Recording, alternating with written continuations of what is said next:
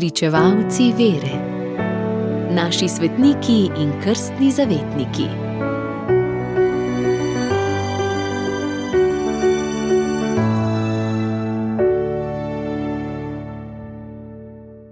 Danes zgoduje sveti Gregor VII, papež. O današnjem godovnjaku, ki je na vides izgubil boj z nemškim cesarjem Henrikom IV., ki se je hotel podvreči crkv, je neki zgodovinar zapisal: Premagani papež je zmagal v svojih naslednikih.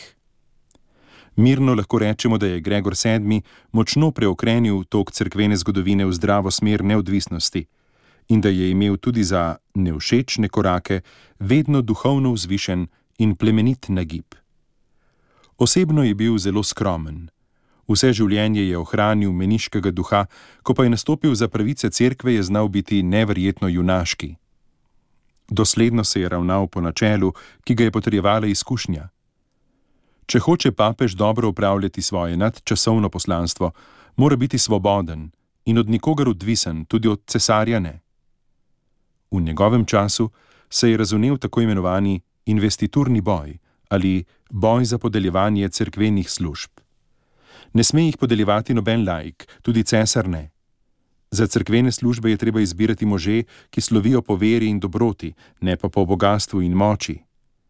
Vsi, ki so svojo službo v cerkvi, predvsem škofje in opati, kupili za denar ali so jih za denar prodajali, morajo te službe ne mudoma zapustiti. Ta svetniški mož se je rodil okoli leta 1032 v skromnih razmerah v mestecu Soana v Toskani.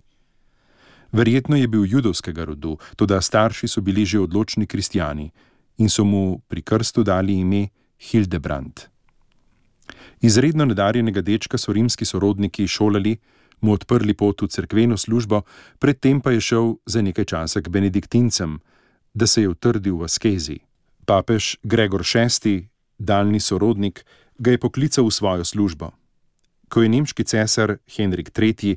leta 1046 odstavil vse tri tedanje papeže, med njimi tudi Gregorja VI., ter tako naredil konec nesrečnemu mračnemu stoletju, je Hildebrand spremljal Gregorja VI. v izgnanstvo v Keln. Ko je ta umrl, je Hildebrand šel nazaj k menihom, pa ga je od tam poklical poznejši papež sveti Leon IX.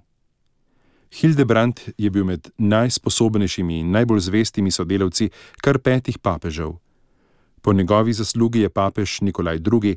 leta 1059 izdal zakon o papeških volitvah, ki določa, da imajo volilno pravico samo kardinali.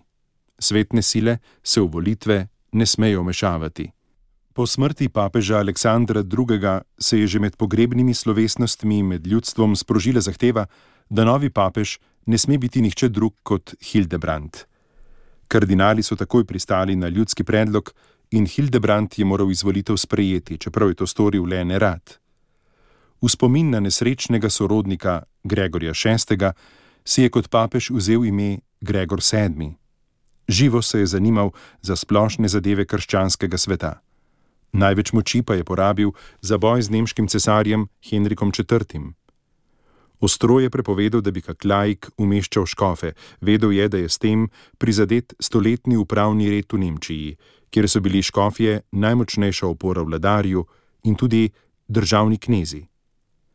Papež se je hotel s cesarjem dogovoriti glede novih odnosov, cesar pa je še kar naprej umeščal škofe in celo zahteval naj papež, katerega je imenoval lažnivi menih, odstopi. Papež ga je izobčil. Škofje so mu odrekli pokorščino.